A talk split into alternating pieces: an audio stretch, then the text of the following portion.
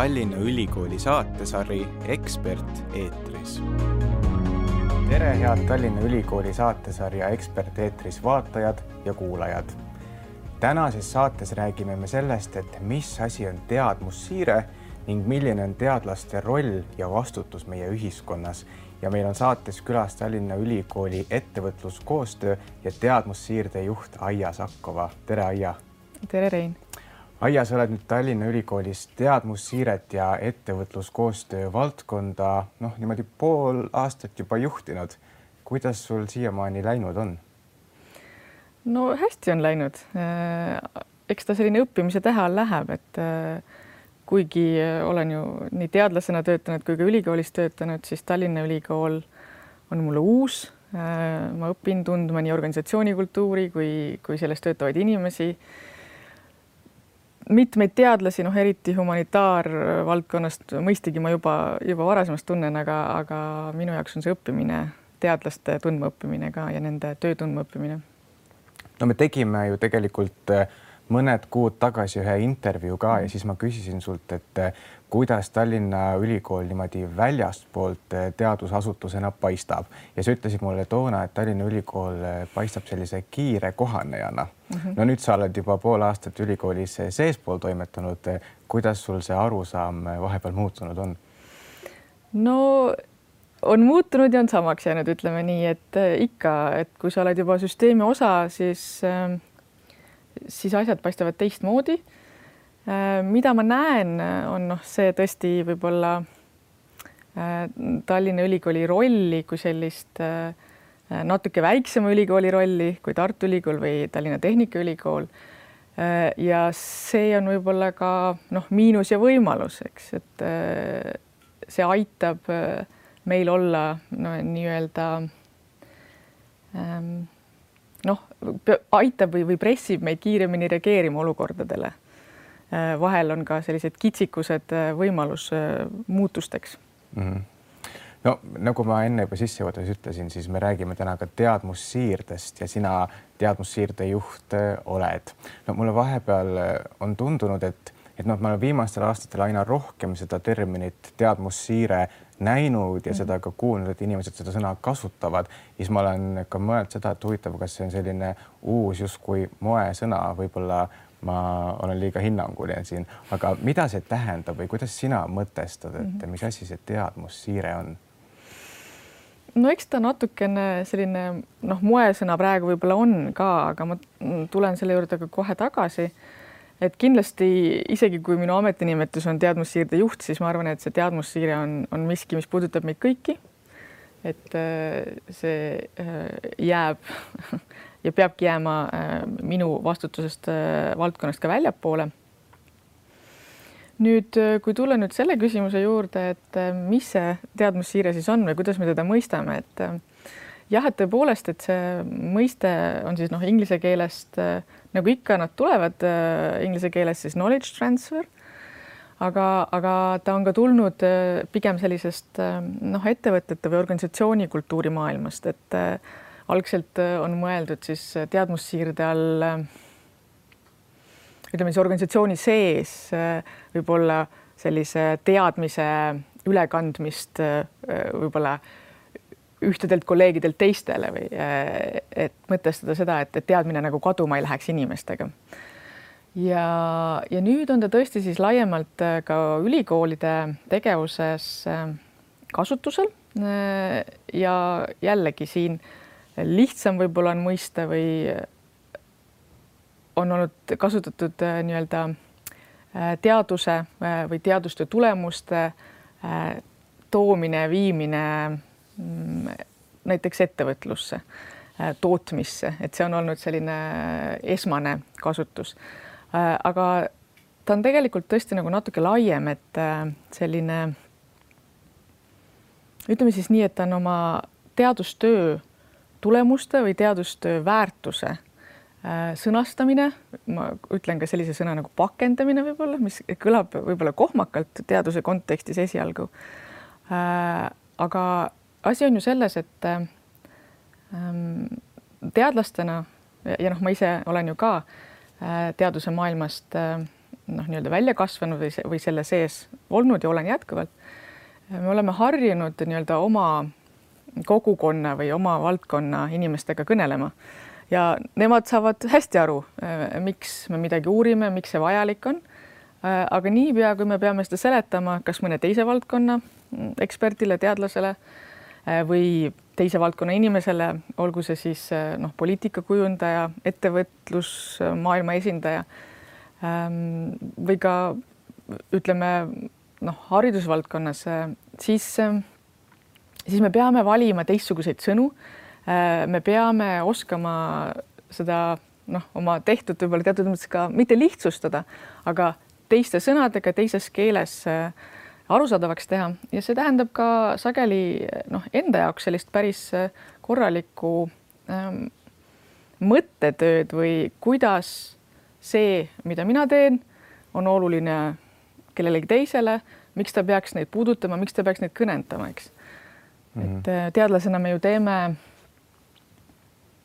me teeme mõistagi äh, teadustööd, mis on meile ka kuidagi hingelähedane või oluline, aga me oleme ka kutsutud nii-öelda, äh, kutsutud midagi tegema või et see on ju, äh, riik on meid tellinud, on meisse panustanud äh, ja sestap meil ka see kohustus lasub oma teadust nii-öelda tagasi viia ühiskonda nii et, et teadmussiirde puhul me võime siis öelda, et see tähendab seda, et kui teadusasutuses mingisugust uut teadmist luuakse, et siis teadmussiire kui protsess on see, et me viime selle teadmisega ühiskonda, et ühiskond siis selles kuidagi saaks targemaks. just nii, ühiskonda mm. -hmm. aga miks see on üldse oluline, et, et selline teadlaste ja ühiskonna või teadlaste ja ettevõtjate näiteks koostöö kuidagi kasvaks? No eks ta on ikka selleks oluline, et, äh, et me saaksime nii-öelda kujundada suurem teadmistepõhisemat äh, ühiskonda, maailma, et, et meie otsused äh, oleksid nii-öelda teadmispõhised. Äh, et äh, lahendused oleksid nutikamad, eks, kui me räägime just ka selliste tehnoloogia valdkonda ulatuvate lahendust, lahendustest. Aga ka, et meie selline noh, käitumine Äh, ja maailma mõistmine oleks äh, mõtestatum, et äh, jah. et teadmussiire aitab kaasa sellele, et meie tegutsemine oleks mõtestatum ja tegelikult kokkuvõttes targem, on ju õige niimoodi kokku võtta, eks. ega me ülikooli äh,, ülikooli siis äh, noh, moto on ju ka äh, targem eluviis, et äh, just. just nimelt äh, selle jaoks äh,, selle jaoks me siin oleme no too meile mõni näide mõnist, mõnest sellisest senisest edukast teadmussiirde juhtumist või, või, või sellisest näitest? no eks neid on ju iga päev ja igal pool, aga võib-olla kohe tuli meelde üks projekt, mida tehti siin selliste õpimängude või õpi, äh, õpikeskkonna nagu Alpa Kids oli ja, ja kolleegid siis äh, Ähm, haridusteaduskonnast äh, aitasid nii-öelda neid äh, mänge mm, läbi mõtestada ja, ja, ja testida just pedagoogilistest aspektidest. Jaanika Leoste seal äh, sai ka Päljuse tunnustuse, ma mäletan. aga kui mõelda nüüd laiemalt, siis mis meie elu viimasel ajal on ju mõjutanud, viimased aastad on mõjutanud, siis näiteks võib tuua ka mm, meie selle koroonakriisi ja kuidas siis äh, teadlased äh, on seda äh, riiki ja riigi käitumist nõustanud. ja ka see on tegelikult mm, sellise hea teadmussiirde näide just selles mõttes, et ähm, loomulikult tulevad teadlased oma valdkonna ekspertidena sinna ja lahendustena. Aga, aga see on ka näide sellest, kuidas teadlane kui isik noh, on on ju ka selle teadmuse kehastus, et just see, kuidas äh, ta ähm, ka asjadest räägib, äh, võib-olla ka isegi millisel toonil, äh, milliste sõnadega, et see samamoodi mõjutab lõpuks protsesse. tegelikult selles mõttes teadlasel laskub selles protsessis üsna suur vastutus. no ja sa tõid juba välja selle Covid-19 viiruskriisi olukorra, kus siis tõesti teadusnõukoda läks valitsusele appi, et see on siis tegelikult näide teadmussiirdest ja see on kindlasti üks näide, aga vot äh, sa nimetasid nüüd seda vastutuse küsimust. võib-olla ma korraks peatun sellel. Äh, see on, see on minu meelest hästi-hästi oluline punkt, millele nagu mõelda, et äh, me oleme harjunud mõtlema teadusest noh, sellise kvaliteedi võtmes, et teadus su, suurepärase teaduse võtmes, ehk siis see on see, mis on iga, iga, iga uurija eesmärk, teha teadust, mis oleks maailma tasemel ja ja annaks, annaks oma panuse sellesse suurde teadmiste kogumisse. aga nüüd lisaks sellele on, on ka tõesti siis see vastutus tulla nii-öelda oma sellest noh, me vahel oleme rääkinud teadlase elevandiluu tor-, elevandiluu tornist, eks, et äh, teadlane on seal kuskil kaugel eemal, aga, aga see ammugi enam äh, ei ole nii. Äh, teadlane peab tulema sealt välja, ta peab kõnetama ühiskonda. ta peab oskama noh, oma sõnumeid edastada. Ja vot siin ma näen nagu seda vastutust tõesti, et, et mulle tundub, et igalühel meist lasub see vastutus ära tunda neid olukordi, eh, kus meie ekspertiis on oodatud ja vajatud.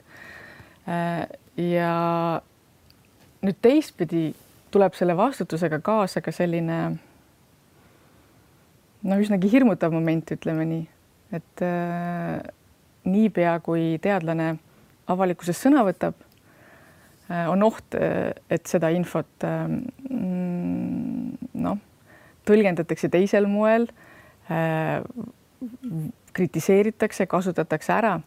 et äh, see käib paraku ka kaasas ja see on see, mis siis võib-olla ka mm, sageli hirmutab. just, no selle näite puhul ju me võime rääkida näiteks Irja Lutsarist, kes mm -hmm. Teadusnõukoda on juhtinud kogu selle senise viiruskriisi vältel ja ta valiti tänavu aasta kodanikuks ja ta käis sellest äh, saates Hommik Anuga rääkimas mm. -hmm. ja ta just nimelt rääkis seal sellest varjuküljest sellest, kuidas tegelikult temast on saanud selline ühiskondlik peksupoiss. ja et see on äärmiselt kurb, et, et meil tõesti, et inimesed otsivad nii-öelda noh, neid võimalusi, kus, kus halvasti öelda, kus kritiseerida. Ähm, loomulikult igasugune selline dialoog on vajalik, äh, aga, aga see selline nii-öelda poriga loopimine, äh, mida me näeme mm, noh, meedias, sotsiaalmeedias, et, et see on tõesti inetu. aga jällegi, et äh, suur lugupidamine nende teadlaste vastu, kes, kes julgevad ja on valmis selliseid rolle võtma ja eriti sellisel keerulisel ajal et äh, kahjuks jah, et äh, sellest ei pääse. Äh, et siis on võib-olla oluline see küsimus, et kuidas seda noh, paksu nahka kasvatada või, või kuidas, kuidas sellises meediastunud maailmas ja sellistes olukordades, kuhu, kui me teadlasena sinna satume, et kuidas sellega toime tulla no just, ma ise hakkasin ka selle Irja Lutsari just äh, intervjuu peale mõtlema, et et noh, ütleme, et minul on olnud suur unistus saada tippteadlaseks ja juhtida ühiskonnas mingisuguse valdkonna protsesse mm. -hmm. ja nüüd, kui ma näen, mida see võib endaga kaasa tuua, siis võib-olla mu soov sellega ka nii-öelda jahtub. et kuidas sa ise tunned, kas sellel võib tegelikult olla väga negatiivne mõju sellisele teadlase positsiooni atraktiivsusele mm.? eks ikka võib, eks ikka võib. Äh, aga võib-olla seda enam äh, noh, äh, on asjad, mida me saame mõjutada ja on asjad, mida me ei saa mõjutada. ja loomulikult meie kõigi noh, ka selline kohustus või ülesanne on, kus vähegi võimalik, avalikku sellist debatti teadmiste põhisuse suunas lükata ja noh, see on, see on ka meie kui ülikooli kohustus. Äh, nüüd äh, aga see, äh, mida me saame veel teha ja, ja võib-olla toetada, on küsimus siis ka teadlase noh, sellisest kujunemisest ja, ja toest sel, selleks kujunemisel, et, et võib-olla tõesti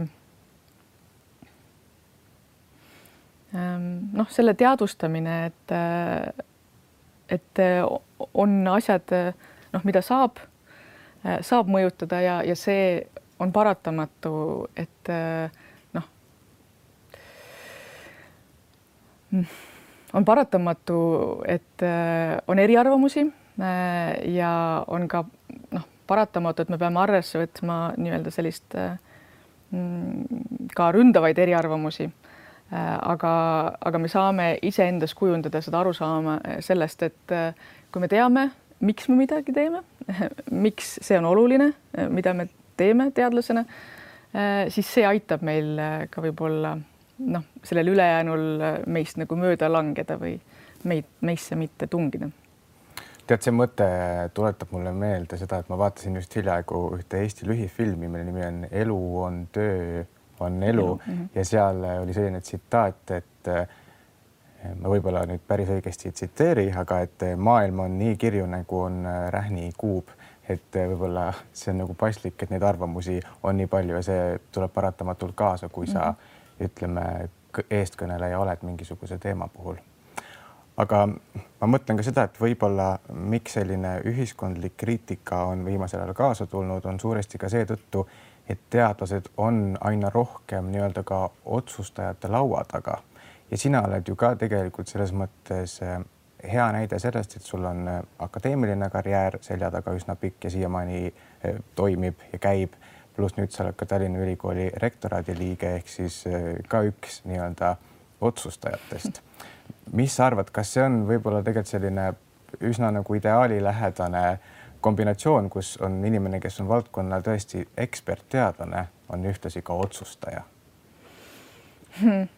ma arvan, et muidugi ideaalis ta võiks nii olla, et, äh, et mida sügavamad on noh, inimese teadmised mingis, ütleme siis ka kitsas valdkonnas võib-olla ähm, noh, ütleme siis see on selline võib-olla selline sügavuse mõõde või, või äh, selline vertikaalne mõõde Äh, et siis see sügavus jällegi aitab noh, sellises tasapinnalises mõõtmes või siin siin ja täna äh, noh, kaalutletumaid otsuseid langetada, ma arvan, et alati on võimalik kuidagi mm, seda tänast võrrelda varasema või noh, mingisuguse varasema teadmise taustal, et võib-olla, et see abstraktseks ei jääks.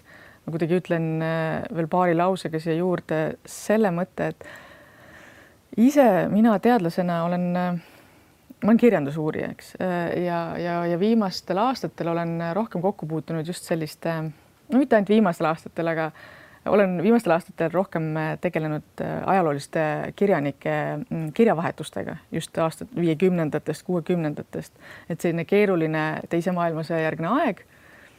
Mm, ja, ja see nii-öelda see kontekst või see maailm, kus need autorid, need inimesed liiguvad noh, nii läänes kui siin kodu-Eestis ja see keeruline nii-öelda suhtlus ka läbi raudse eesriide.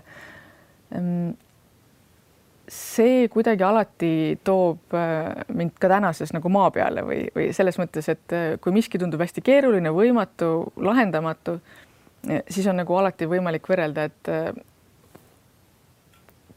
kas tõesti on, kas tõesti on, et inimesed, kes on olnud palju keeruli-, keerulisemates olukordades, palju suuremas kitsikuses on lahendusi leidnud. et see mingis mõttes alati nagu annab sellise teise mõõtme. aga nüüd, kui tulla tagasi su küsimuse juurde äh,, siis, siis seal on ka nagu üks teine moment võib-olla, et see äh, see on see sektorite vaheline või, või, või noh, või valdkondade vaheline liikumine.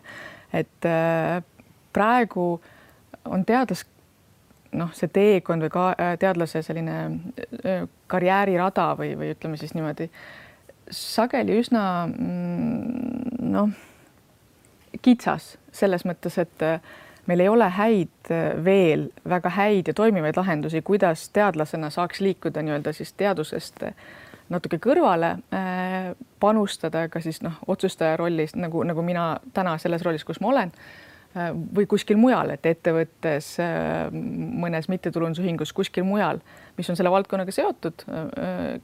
aga ei ole enam nagu otseselt teadustöö, sest niipea, kui sa oled aastaid eemal, siis nii-öelda jäävad su sinna CV-sse lüngad. et see on ka võib-olla üks, üks asi, mida Tallinna Ülikool on kindlasti noh, tahtnud selles edasi liikuda, et aidata teadlastel liikuda ka niimoodi sektorite vahel et siin on selles mõttes selline süsteemi paradoks, et me tahame, et teadmised läheksid ühiskonda laiali, näiteks ettevõtetesse mm, -hmm. erinevatesse asutustesse, aga kui need teadlased sinna lähevad, siis see tegelikult nende karjäärile praegu tingimata hästi ei mõju. jah, sest et siis nagu me peame tagama selle võimaluse, kuidas nad saaksid tagasi astuda sellesse ähm, noh, ülikooli või teadusmaailma, sest praegu meil jah, ei ole väga häid lahendusi selleks et me pigem nagu justkui äh, tekib sellest nagu nii-öelda noh, nii-öelda tagasilöök teadlasele mm, -hmm. aga see ei peaks nii olema. just. no räägime veel natuke sellest, et äh, teadlase erinevad rollid nii-öelda ühiskonnas, et äh, on räägitud ka sellest, et näiteks olulised otsustajad ühiskonnas, näiteks ministrid, kellel on ministriportfell ehk siis tal on väga suur otsustusõigus ühes mingisuguses valdkonnas kogu riigi tasandil mm. -hmm. ja on räägitud nende inimeste hariduse nii-öelda rollist või et kui, milline nende haridustase peab olema. kuidas sina seda hindad, et kui oluline see on, et riigi juhtimise tasandil need juhtivad inimesed oleksid ikkagi kõrgelt haritud? no muidugi see on, see on väga-väga oluline, et äh, ega siin pikemalt midagi vist öelda polegi, et äh, jällegi ehm, see sügavus eh, olla ekspert mingis valdkonnas eh, ikkagi avardab sellist ka, mm, avardab sellist eh, laiemat maailmapilti. loomulikult, et väga olulised on ju tänapäeval kõik, kõik ülekantavad nii-öelda oskused ja teadmised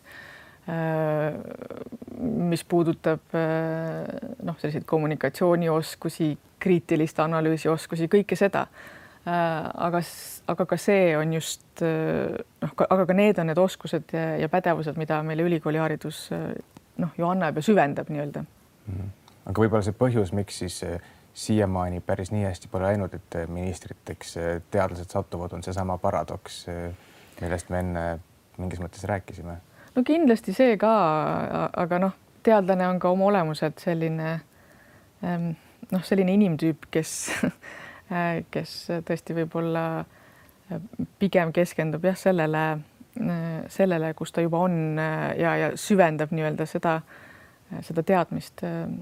aga jah, võib-olla tõesti ka see, et meil ei ole selliseid noh, süsteemis häid viise või lahendusi, kuidas liikuda hõlpsamini erinevate sektorite vahel, aga selles suunas on tegelikult samme astutud ja lähiaastatel võib-olla me juba näeme mm -hmm. uusi arenguid, ma loodan. no loodame, et need sammud on tulemas ja et need sammud on selles mõttes suured. aga me oleme juba täna natukene rääkinud ka teadlase vastutusest, aga ma tahaksin rääkida ka natukene teadlase kohustustest. nimelt Tallinna Ülikoolis just tänavu hiljaaegu promoveeriti kakskümmend neli uust doktorit mm -hmm. ja doktorite promoveerimisaktusel võttis muidugi sõna ka meie rektor Tõnu mm -hmm. Viik. ja Tõnu Viik enda tervituskõnes ütles nõnda. Teie uus seisus kohustab teid tegema maailma paremaks viisil, mida igaüks ei oska. kuidas sulle tundub, on see õiglane?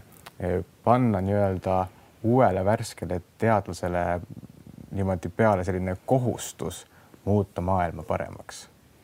no ikka on, sest et äh, eks ta ju nii ongi, et äh, jälle enne sai sellest räägitud, et äh, riik on ju see, kes äh, annab meile raha selleks, et koolitada doktorikraadiga haritud äh, tippspetsialiste või noh, oma valdkonna eksperte ja ja seetõttu tõepoolest siis lasub, äh, lasub igaühel neist ja meist kohustus maailma paremaks muuta äh, oma valdkonnast äh, lähtudes, et jah mm. -hmm. aga milline on sinu enda nii-öelda nägemuse järgi üldse ühe teadlase roll meie sellises tänases ühiskonnas? No eks äh, ma sellele põgusalt äh, viitasin, aga ma arvan tõesti minu ideaalses maailmas on, on teadla, teadlase roll olla siis eestkõneleja äh,, olla mm, hoiakute kujundaja äh,, olla oma valdkonna selline kirglik äh, noh, eestkõneleja äh,. et tõesti noh, näiteks äh, mina ise kirjandusteadlasena olen, olen siis ka tõesti püüdnud äh, erineval moel sellesse panustada, et, et kirjandus oleks nähtavam, et äh, erinevate maa, maade kirjandused oleksid nähtavamad, et, äh, et see nii-öelda toimuks vahendamine erinevate maade kirjanduste vahel. et ma näengi seda, et teadlane on oma selle valdkonna kirglik eestkõneleja ja lisaks sellele on tal siis ähm, julgust äh, nii-öelda tulla oma nendest äh, noh, ütleme siis tuttavatest teadlase kingadest välja, äh, julgeda ähm, sõna võtta avalikkuses, kui on olukord, mis vajab sekkumist. ja seal muidugi tuleb alati kaaluda, et kus on mõttekas kaasa rääkida, kus mitte. ja samuti julgeda tulla noh, kontakti teise valdkonna teadlastega, teise sektori noh, esindajatega. Äh, ja mitte nagu karta seda, seda dialoogi. et teadlase roll ikkagi on ähm, olla ise ka selline initsiatiivikas ja, ja julge, et otsida kontakti ja, ja leida neid võimalusi, et, et oma teadmisi teistega jagada. absoluutselt, sest äh, noh, näiteks ka Äh, Tarmo Soomere Teaduste Akadeemia presidendina on korduvalt sellele tähelepanu juhtinud, et, et praegu enam ei piisa sellest, et me teeme suurepärast teadust. et äh, maailm on muutunud, maailm on meediastunud, äh, mullistunud, nagu ka vahel öeldakse. et me lihtsalt peame mm, ise aktiivselt ka selle nimel tööd tegema, et meie sõnumid, sõnumid jõuaksid äh, ülikooli seintest nagu kaugemale. ja noh, muidugi siin tuleb ka nagu noh, sellist tasakaalukat piiri äh, pidada ja, ja alati see võib-olla ei õnnestu äh,. noh, sellise noh, ütleme siis ikkagi turundamise vahel või noh, enese müümise vahel äh, ja, ja võib-olla ka siis seal, kus see on nagu tõesti vajalik, et, et see, et see meie ekspertiis, teadmine äh, on kaasatud. sest noh, eriti meile eestlastena, mulle tundub, ei ole nagu omane või et me tajume ähm, noh, eestlastena ja võib-olla ka teadlased spetsiifilise grupina, et me sageli tajume sellist ähm, noh, iseenda tegemiste eksponeerimist äh, võib-olla sellise noh, liigse sellise enesemüümisena, ütleme siis noh, ma praegu kasutasin seda sõna, see kõlas võib-olla nagu sellise nagu halvustavas mõtmes, aga see tegelikult ei ole ju äh,. kui me sealt sellise hinnangulise poole ära võtame, siis äh, siis vahel ongi vaja nii-öelda oma seda teadmist, oma ekspertiisi pakendada äh, ja noh, välja pakkuda. et tegelikult ka teadusmaailmas on vaja oma, oma ekspertiisi välja pakkuda et äh, üha enam äh, me näeme sellist tendentse mm, ka äh, sellise Euroopa teadusmaastiku tasandil, et soovitakse, et erinevate valdkonda teadlased tuleksid ühte näiteks uurimisgruppi kokku või et on mingisugused tehnoloogilised, ütleme, loodusteaduslikud teemad, kuhu otsitakse ka kaasa humanitaar- ja sotsiaalteadlasi. ja selleks, et see saaks edukalt juhtuda, siis tegelikult on just nimelt vaja mm, teadlastel sellist ka oskust oma ekspertiisi noh, nagu välja pakkuda, et mina olen see, mina tean ja tunnen hästi seda ja seda äh, ja saaksin panustada seal ja seal. et äh, see on tegelikult oskus äh, seda niiviisi välja pakkuda ja, ja seda me saame ja peamegi tulevikus ka noh, tugevdama ja arendama no märkamatult on juhtunud niimoodi, et meie saateaeg on otsa saamas. Kuna on aasta lõpp, ja aasta on ka selline, aasta lõpp on selline kokkuvõtete tegemise aeg, siis ma küsin sul ka kokkuvõtteks eh, seda, et, eh, milline on see ideaalne tasakaal või, või selle lähedane tasakaal, ütleme siis erinevate asutuste, ettevõtete ja teadlaste koostöö loomisel, on see niimoodi, et teadlane peab minema ettevõtte juurde ja ütlema, et mina oskan neid ja neid ja neid asju, kasutage neid ära, kui on vaja, või siis pigem võiks tulla ettevõtte teadusasutuste juurde ja peaks ütlema, et mul oleks vaja sellist abi no ta toimub mõlemat pidi ja peabki toimuma mõlemat pidi. Ehm, kuna ma juba seda noh, nii-öelda eh, kompetentside mm, noh, väljapakkumist rõhutasin, siis võib-olla ma nüüd rõhutan siis seda poolt, et, et ka eh, ülikool kui süsteem kindlasti siin noh, saab kaasa aidata sellele, et näha ära tunda noh, neid kohti ja valdkondi ülikooli sees, kus meil on ekspertiisi äh, pakkuda äh, välja. Äh, ja, ja se sellega ma arvan, me järgmisel aastal kindlasti noh, aktiivselt ka tegeleme. püüame neid nii-öelda meie ekspertsusvaldkondi toetada. Ja, ja muidugi ootame ootame ka noh, ettevõtete esindajaid meiega ühendust võtma, kui nad tunnevad, et äh, ülikooli noh, tugi võiks neid äh,, nende teaduse või noh, nende nii-öelda arengus aidata. aitäh sulle, Aija, nende tänaste mõtete vahetamise eest ja aitäh ka kõikidele jälgijatele, kes meie saadet vaatasid või kuulasid ma soovin teile ilusat aasta lõppu ja toredat jõuluootust ka. Kohtume juba järgmisel aastal